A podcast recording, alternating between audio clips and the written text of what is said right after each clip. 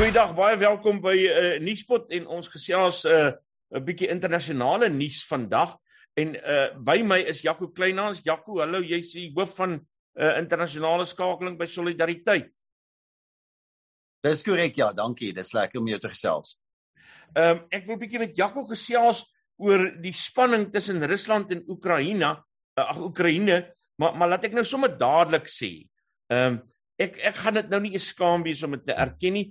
Ehm um, want baie mense dink 'n mens moet altyd alles weet. Ek weet nie alles van Rusland en Oekraïne nie. Ehm um, uh, ek weet nie eers of ek weet wat die regte vrae is om te vra nie. Uh, ek weet maar wat ek lees uit koerante uit en en en verder is ek dom daaroor. En daarom het ek besluit ek wil met Jaco gesels.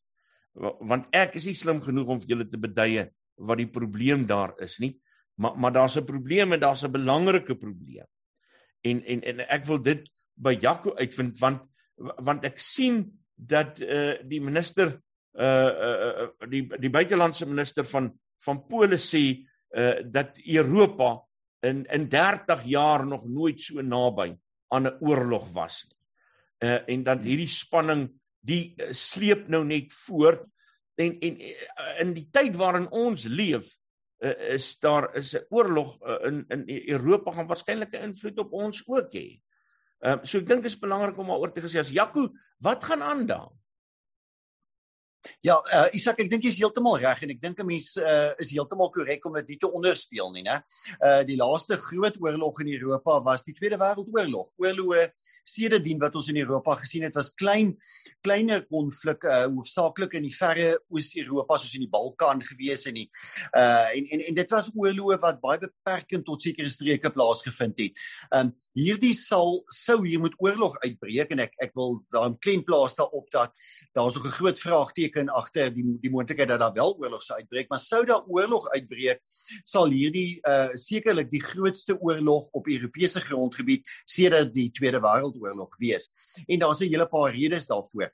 Uh die een ding wat ek dink baie mense nie weet nie, uh is dat die Oekraïne die derde grootste weermag in Europa het na Rusland en Frankryk.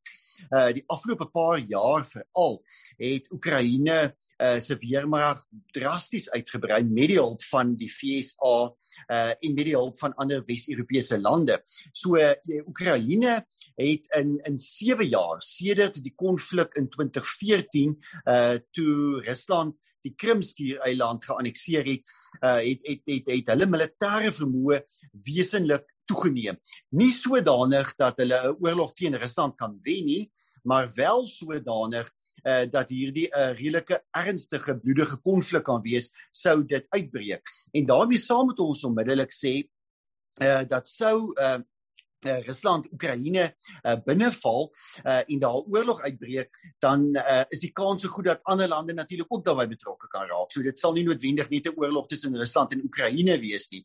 Uh, verskeie ander lande mag 'n rol speel en daaroor is ons onseker. Ons is onseker oor wat ander Europese lande gaan doen. Ons is onseker oor wat die VSA uh, se rol in so 'n konflik kan wees. En en vir hierdie rede maak dit dus sin uh dat Pole se minister van buitelandse sake sê ons moet ons moet kyk na wat hier gebeur. Dit maak sin dat uh dat hierdie op hierdie stadium uh een van die belangrikste fokusareas is van uh, as dit kom by buitelandse sake van die nuwe Duitse kanselier uh, Olaf Scholz van die Amerikaanse president uh Joe Biden uh van eintlik dink ek die meeste westerse leiers omdat hmm. niemand van hulle graag wil sien dat daar nou weer 'n oorlog in Europa moet uitbreek wat wat definitief uh um uh die res van Europa gaan beïnvloed omdat dit 'n klomp lande daarbey kan intrek nie. Maar maar Jaco, wat is die storie? Wat is Rusland se storie met Oekraïne? Wat is hoekom is 'n uh, uh Putin so kan ek dit nou maar stel so gatvas oor Oekraïne. Ek ek dink 'n mens kan mens moet na die geskiedenis kyk en ek sal dit in kort opsom want dit is natuurlik 'n baie lang geskiedenis. Mm. Geskiedenis wat 'n mens uh as jy regtig daaraan belangstel maar vir jouself moet lees want dit is dis dis 'n uh, geskiedenis oor oor honderde jare die Rusland uh Oekraïne verhaal uh is een wat wat uh wat baie interessant is maar wat natuurlik hier uit die 1300s uitkom. Uh so dis dis baie baie lank geskiedenis van meer as 700 jaar.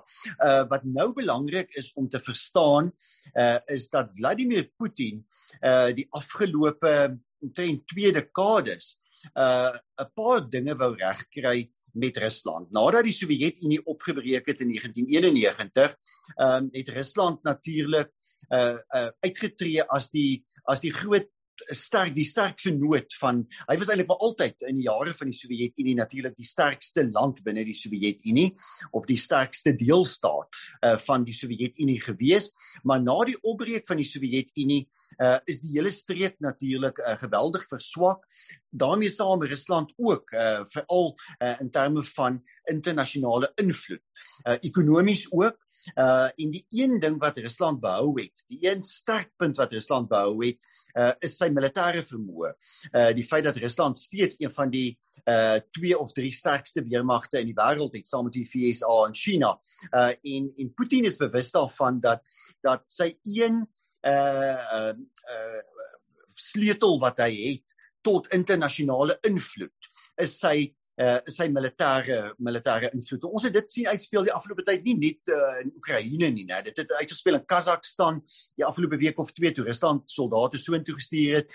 Dit speel mm. af uh, op die grens met Georgië waar Rusland nog steeds betrokke is by die besetting van twee provinsies van Georgië, Abkhazia en Zuid-Ossetia.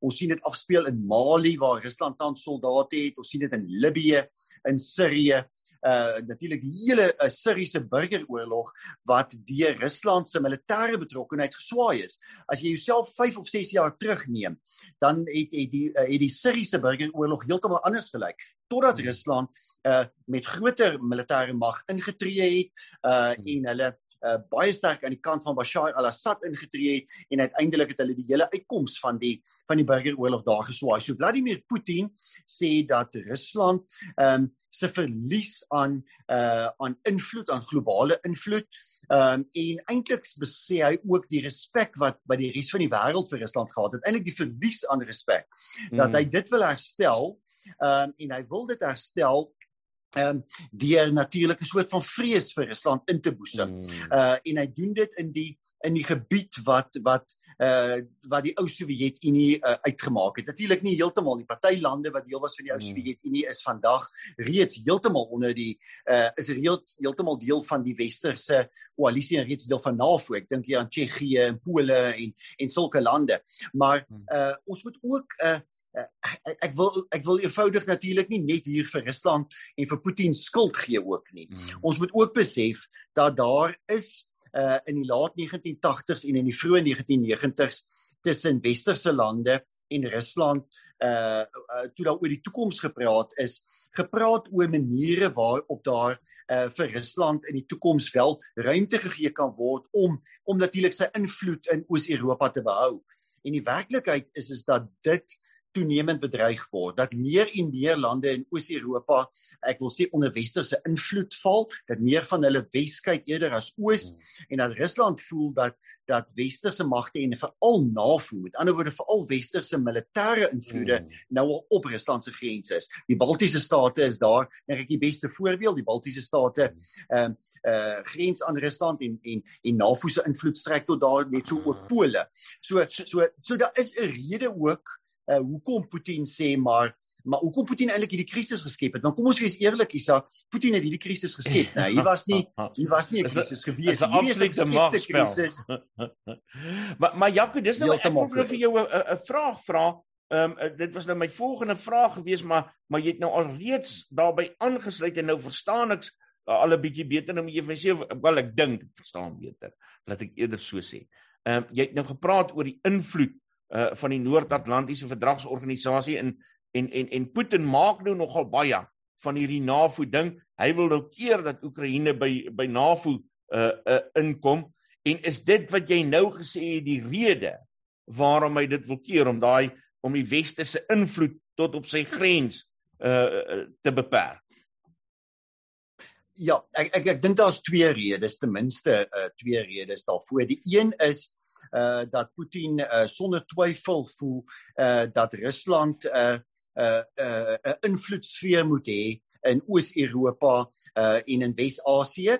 Dit is uh eenvoudig die rede hoekom uh Putin soldate na Kazakhstan gestuur het. Dit is hoekom uh Putin die afgelope paar jaar probeer om Georgië te destabiliseer en hulle uh, dele van Georgië al beset het. Dit is hoekom hulle tans 5000 soldate in Armenië het. En natuurlik die die hele konflik tussen Armenië en Azerbeidjan in November 2020 probeer besleg het um, en Rusland se invloed verseker daar toegeneem het. Uh, uh Putin wil wil eintlik die respek, die globale respek vir Rusland herbevestig deur sy invloed in die ou Sowjetunie gebied um weer in te neem. Want dit was verlore invloed, né? Dit is deur die veral deur die 1990s. Mm. Uh het het Rusland geweldig invloed verloor uh in die gebied. Nou as ons kyk na die Oekraïne, het dit natuurlik 'n bietjie later gebeur. Dit het hier rondom 2004 gebeur. Daar was aanvanklik 'n uh, sterk pro-Russiese regering gewees mm. in die Oekraïne na onafhanklikheid. Uh Oekraïne het uh, saam met uh, Rusland gewerk op verskeie terreine ook militêr en uiteindelik uh, het daar 'n uh, 'n pro-westerse regering aan bewind gekom en dit is waar die spanning ontstaan het want Rusland uh uh, sien natuurlik uh Oekraïne as 'n soort buffergebied uh tussen tussen Rusland en die weste, maar ook absoluut as 'n gebied wat wat onder sy invloedsfeer val. En dit is nou waar die hele geskiedenis inkom. Nou die die geskiedenis oor 700 jaar is een waar Rusland met tye meer en met tye minder invloed in Oekraïne gehad het en met tye was groot dele van die huidige Oekraïne volledig deel van Rusland gewees. Op 'n stadium is die land verdeel in twee, die een was deel van Pole, die ander deel van Rusland. En daar was altyd 'n redelike stryd hieroor. En dan natuurlik die oostelike deel van die Oekraïne het 'n groot Russiese bevolking. Daar's sommige uh van die van die deelstate van die Oekraïne soos Donetsk en Luhansk en natuurlik voorheen ook die Krim, Krimskiereiland wat 'n meerderheid Russiese bevolking het. So dit is mense wat wat Russies praat, wat etniese Russe is en wat voel dat hulle deel van die Oekraïne uh, eintlik tuis hoort by Rusland. En en en en Putin gebruik dit natuurlik as 'n as 'n rede hoekom hy sê wel ons uh, ons ons het 'n reg tot invloed in hierdie gebied en indien uh, die regering in die Oekraïne die land wil wil um, uh, in oppositie met Rusland plaas en hy westers wil kyk en wil aansluit by NAVO dan skep dit 'n bedreiging vir uh, Russe wat in die Oekraïne woon. So dit is die een rede ook hoekom Putin nie betrokke raak. Hy hy hy hy probeer dus sê dat dat daar 'n natuurlike rede hoekom Rusland uh, betrokke moet wees in die Oekraïne, hoekom Rusland uh, hoekom die Oekraïne eintlik in die invloedsfeer van van Rusland moet val. Ehm um, en en dit het te maak met die geskiedenis waar Oekraïne lank deel was van Rusland en met die feit dat daar heelwat etniese Russe veral in die ooste woon.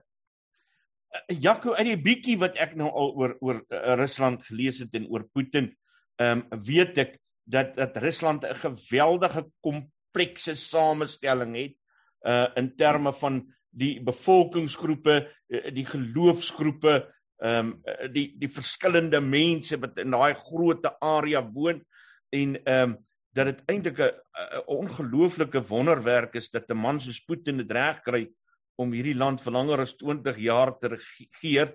Ehm um, en en en ek wil dit vir jou vra of, of of ek noem dit want ek wil in die lig van hiervan vir jou vra uh, watter rol speel die ehm um, die interne sake van Rusland en en en Putin se gesagsposisie in hierdie oef uitoefening van mag en hierdie vertoon wat besig is om plaas te vind dit speel 'n baie belangrike rol. Ehm um, ek dink uh, wat 'n mens oor Putin uh, kan sê, hy is verseker nie 'n onskuldige persoon nie, maar hy's wel 'n baie bekwame ehm um, leier. Hy is hy sonder twyfel uh, iemand wat uh, wat uh, 'n uh, duidelike baie goeie regeringsleier is want Rusland is 'n baie komplekse land. Ek dink uh, baie uh, Suid-Afrikaners verstaan Rusland totaal en al verkeerd. Hulle sien een enkele etniese groep, een geloof, een hmm. taal, een gesig en dan dink hulle dis hoe Rusland lyk. Like. Rusland is 'n komplekse land. As jy na Vladivostok in die ooste van Rusland gaan, uh dan uh is dit 'n ander totaal ander wêreld as wat jy Sint Petersburg in die weste sou besoek. Hmm. As jy na na Chechnya in die suide gaan, totaal anders. Daar's weer moslim bevolking uh wat ehm um, uh wat eie separatiste bewegings het. As jy na die noorde gaan uh en jy kry met die uh oorspronklike inboorlingsstamme daar te doen wat daar rondom die arktiese noord van die arktiese sirkel woon hmm. totaal en al ander mense jy weet so uh, om so 'n komplekse land um effektief te bestuur is sekerlik 'n uitdaging en ek dink na die groot platval van die 1990s uh die uitmekaar skeer van die Sowjetunie die onafhanklikwording van al hierdie lande en Rusland se eie uh, krisisse deur die 90s met uh die die uh, ekonomiese probleme na kommunisme, uh die probleme van privaat eiendomsreg, uh eintlik die soort van oligargie wat wat uh tot stand gekom het, uh die geweldige uitdagings met korrupsie en wanbestuur en staatsverval, het Putin eintlik op baie maniere 'n antwoord gebied vir Russe. Onthou Russe het nie 'n 'n 'n tradisie oor die oor eeue eintlik van soort van westerse demokrasie nie. Uh die sterkman figuur van Putin wat respek vir Rusland wil herstel as een van die 2 of 3 uh belangrikste en invloedrykste moondhede in die wêreld. Dit het tot die meer 'n meerderheid van Russe gespreek en ek dink dit spreek vandag nog tot 'n meerderheid van van die burgers van Rusland. 'n Meerderheid van die mense in Rusland hou van Putin Hulle is tevrede met wat hy doen. Sy gewildheid het wel die afgelope paar jaar 'n bietjie afgeneem en en en sy manier om dit teen te werk is juis um, om die konflik met die uh, met die weste natuurlik hmm. verder uh, op te jaag en om hierdie soort van Russiese nasionalisme te bevorder om om te sê maar hy tree in vir die Russe wat in die Oekraïne woon en hy tree in vir uh, Russe in die noorde van Georgië en hy tree in vir almal wat op een of ander manier uh, met Rusland assosieer en en jy kan maar net uh, uh, die Kaukasiese streek besoek. Ek was al in Georgië en daai lande gewees. Uh, Daar's nog steeds veral onder 'n ouer generasie 'n sterk historiese band met Rusland. Nie onder die jong generasie nie, glad nie. Hulle kyk Wes. Hmm. Maar onder die ouer generasie baie baie sterk band met met Rusland en en dit is op daardie ehm um, dis op daardie historiese bande uh wat wat Putin dan in 'n groot mate probeer inspel. So die hele Oekraïne kwessie ehm um, is is is sonder twyfel uh 'n manier om om eintlik uh, daardie nasionalisme onder onder Russe te bevorder en ek dink in 'n mate slaag slaag Putin daarin. Ek ek dink dit gebeur presies. Hmm. Ek het nie by myself twyfel daaroor dat 'n oorgrootste meerderheid van die mense in die Krimskiereiland uh, eerder deel wil wees van Rusland as van van Oekraïne nie. Die probleem is eerder die meganisme waarop dit in 2014 gebeur het, né? Die die eensidedige soort van 'n besetting en anneksasie wat Putin gebruik het. Um, en en en dit is waarvoor mense nou weer vrees. As dit in 2014 moontlik was, dan is dit heeltemal moontlik dat Putin uh die ooste van van Oekraïne nou kan inval. Ek ek het nie ek verwag nie dat hy gaan probeer om die hele Oekraïne te beset of oor te neem nie, maar die moontlikheid dat enkele dele van die ooste van die Oekraïne uh, ingeval en beset kan word, eintlik selfs geannekseer kan word vir Rusland, is heeltemal moontlik. Uh, die Russiese weermag beskik verseker oor die vermoë om dit te doen. Uh, nog 'n vraag uh Jaco, uh ek wil jou nou nie te lank besig hou nie, maar maar ek dink is tog belangrik om te vra uh, uh hoekom uh, hoekom is dit nie vir die weste so belangrik? Ehm um, dat Putin uh, nie 'n uh, 'n uh, uh, oorhand sou kry in die Krim en in Oekraïne. Uh, Daar's tog 'n klomp goed wat uh, lyk vir my vir hulle belangrik is. Ja, nou, dit is dis dis interessant. Ek dink daar is 'n uh daar's 'n paar kwessies uh, wat wat hierso die uitdaging is. Ek dink die een uh probleem en ek wil tog hier 'n ernstige vinger wys na die weste. Uh na Europa, die VSA, maar ook NAVO. Uh is dat daar um dat daar geen duidelike ehm um, uh, poging aangewend is leierskap getoon is die afgelope uh twee dekades of wat om 'n uh, 'n nuwe soort van verhouding met Rusland daar te stel nie. Om 'n soort van verhouding met Rusland daar te stel wat ehm um, uh wat wat tot langtermyn vrede en en vertroue tussen die partye eintlik kan aanleiding gee nie. Jy weet Putin het die afgelope paar weke gereeld daarna verwys. Hy het gereeld gesê dat uh die gesprekke wat gevoer is deur um die Sowjetunie, deur Mikhail Gorbachev en die ander leiers, Sowjetleiers um uh met byvoorbeeld die Reagan uh, administrasie en na die Reagan administrasie met uh, Bush senior se administrasie dat dat daardie punte is nie nagekom nie nou daar's die weste het wegbeweeg van dit af. Um en ek dink uh ons het eenvoudige armoede aan soort van visionêre leiers in die weste om te sê die tyd het aangebreek dat uh dat 'n nuwe soort van uh verhouding en ooreenkomste uh, met Rusland gesluit moet word. Dit behels wel dat die weste toegewing sal moet maak. Waarskynlik 'n bietjie ongewilde toe toegewing sal moet maak, maar dit is in belang van beide die weste en Rusland dat daar een of ander oplossing gevind moet word. Uh ons moet onthou uh, die FSA en en en Rusland het nog nooit met mekaar oorlog gemaak direk nie.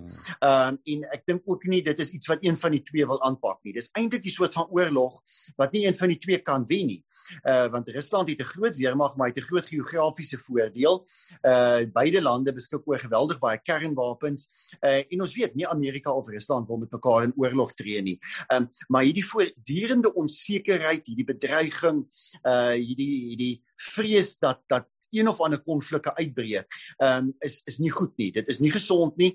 Die uh, lande wat eintlik die duurste prys daarvoor betaal is natuurlik juis die armer lande in Oos-Europa, uh lande in die Balkan, lande in Wes-Asië. Dit is wie die duurste prys uh hiervoor betaal, maar dit sou in belang van die FSA en Rusland wees dat sterk politieke leierskap na vore tree en dat 'n soort van ooreenkoms bereik word, jy weet. So uh dit is uh ek dink ek op hierdie stadium uh is is dit is verseker een rede. Ons moet ook sê dat NAVO het uiters aggressief lidmaatskap uitgebrei uh na lande wat deel was van die Sowjetunie, uh na Oos-Europa. As jy net kyk hoeveel Oos-Europese lande uh lande eintlik in sentraal en Oos-Europa uh, het in die afgelope jare deel geword van NAVO, uh, dan uh, is die werklikheid dat omtrent die helfte van die lande wat deel was van die Sowjetunie nou lidlande van NAVO is.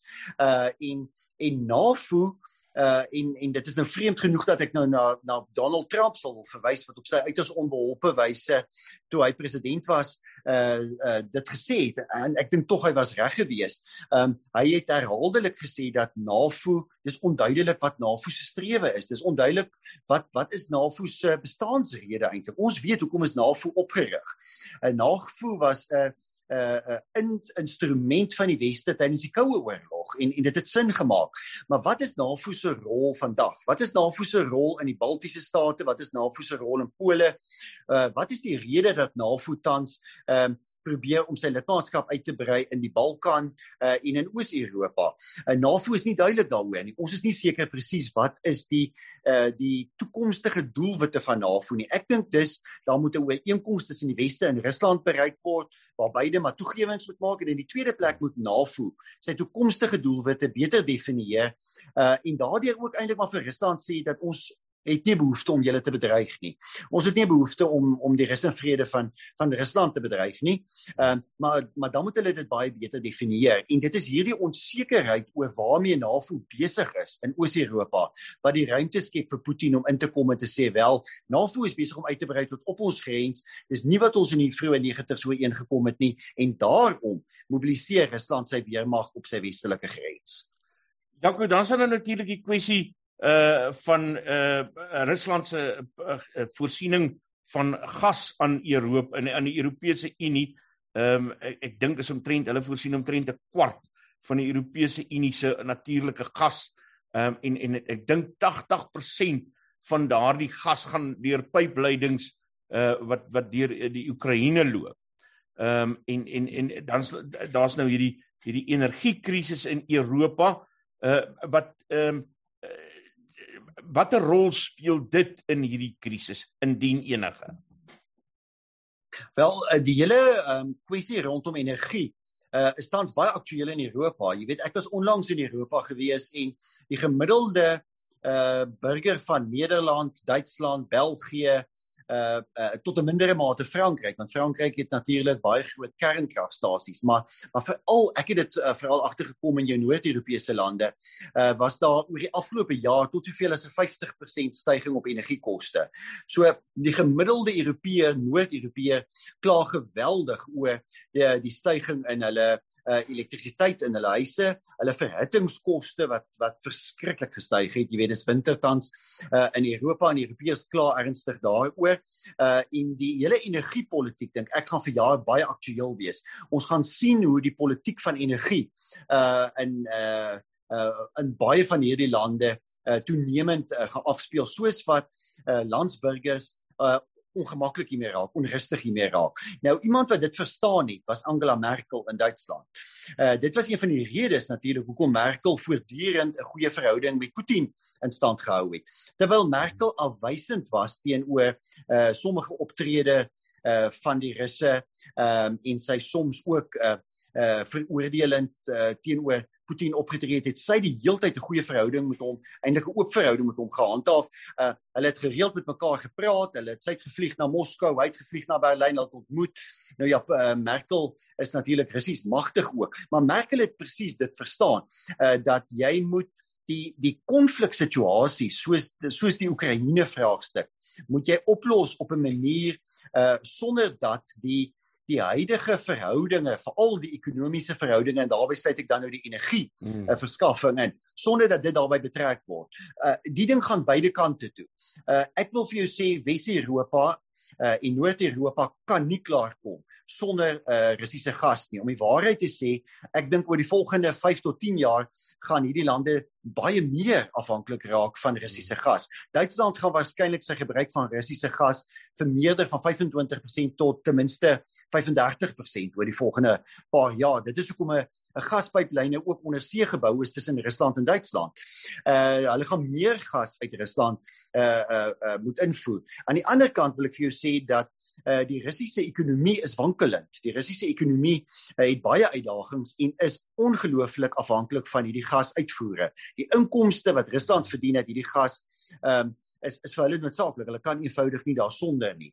So die gaspolitiek speel speel verseker 'n rol. Ek dink dit speel 'n rol in die huidige konflik in die Oekraïne nie uh of 'n ander konflik in Oos-Europa nie. Dit speel wel 'n rol uh op twee terreine in die verhouding tussen die weste uh en Rusland hoe dit hierdie verhouding bestuur moet word. Jy kan nie nie daarvan vergeet jy kan nie net die gaslyne byvoorbeeld afsluit nie en jy's hmm. heeltemal reg dat uh, dat van daai gas op hierdie stadium kom die meeste deur die Oekraïne mm. en in die tweede plek speel dit wel 'n belangrike binnelandse politieke rol in lande soos Duitsland, Nederland, België, enkele ander lande Oostenryk ook verseker. So uh, ons ons kan dit verseker nie uit uit die oog verlaat nie los. Ek vra hierdie vraag doelbewus vir jou.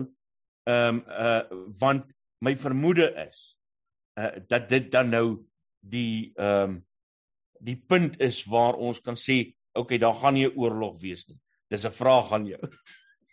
Is dit is dit die ding wat dalk gaan keer dat daar 'n oorlog is? Goed. Ek dink nie daar gaan 'n oorlog wees ehm um, waar die FSA Wes-Europese lande NAVO by betrokke sal raak nie. Uh, ek dink daar's geen kans op hierdie stadium hmm. sou Rusland besluit om die Oekraïne aan te val dat die FSA of Wes-Europese lande skielik Oekraïne te hulp gaan snel nie. Dit gaan eenvoudig nie gebeur nie. Uh die pryse is te duur. Die prys is eenvoudig heeltemal heeltemal te duur want die oomblik wat jy die Oekraïne gaan help, is jy eintlik direk aan betrokke uh uh in 'n oorlog te, teen Rusland. So dit sal nie gebeur nie. Ek dink ook die kans is eintlik redelik skraal dat uh Rusland uh Oekraïne gaan aanval. Want selfs in so 'n geval uh kan dit hoewel dalk kortstondig, miskien 'n paar weke of so, kan dit 'n redelike duur en bloedige oorlog wees. Oekraïne, soos ek sê, het oor die afgelope 8 jaar sy weermag dramaties uitgebrei. Ehm um, baie baie nuwe soldate aangestel. Hulle het honderde duisende soldate wat wat uh, deur deur Amerika en ander westerse lande opgelei is. Hulle het heelwat nuwe aanvalsvliegtuie, helikopters, tanks en so aan aangekoop. Ehm um, so dit dit kan 'n dit kan 'n dit kan 'n 'n um, moeilike oorlog wees hoewel Rusland hom sal wen. Ehm um, ek dink wel uh dat Rusland die druk gaan be, bly behou. Ek dink nie die 100 000 of wat soldate, hoeveel ook al van hulle daar tans op die grens is, Russiese soldate wat tans nee. uh naby aan die grens met die Oekraïne ontplooi is, dat hulle môre voor môre onttrek gaan word nie. Ek dink Rusland gaan die druk hou uh hmm. op Oekraïne en Rusland gaan waarskynlik deur hierdie huidige onderhandelinge wat tans plaasvind probeer om om toegewings van die weste te kry. Nou dit het gister plaasgevind in Brussel uh met NAVO, dit het maandag in Genève plaasgevind met die Amerikaanse adjunkminister van buitelandse sake. Daar's nog verdere uh onderhandelinge ook met die Europese Unie. Uh so Rusland is tans in gesprekke. Hierdie gesprekke dink ek is goed en belangrik, maar terwyl hierdie gesprekke plaasvind, sal Rusland voortgaan uh om druk te plaas um en om onvoorspelbaar op te tree. En onvoorspelbare optrede uh, is baie keer deur die indirekte goed wat wat waarskynlik sal gebeur. Uh, ons weet Rusland ondersteun separatiste Russies gesinde separatiste groepe in die ooste van die Oekraïne. Dit sal voortduur.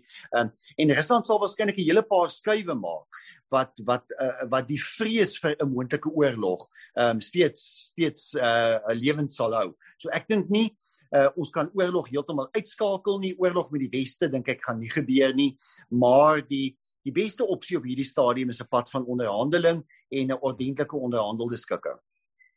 Jaco Kleinhans, hoof internasionale skakeling by Solidariteit. Baie dankie vir jou tyd en jou insig. Dit was nou lekker om met jou te praat. Nuuspod. Onbevange, onbegrens, onbevooroordeeld.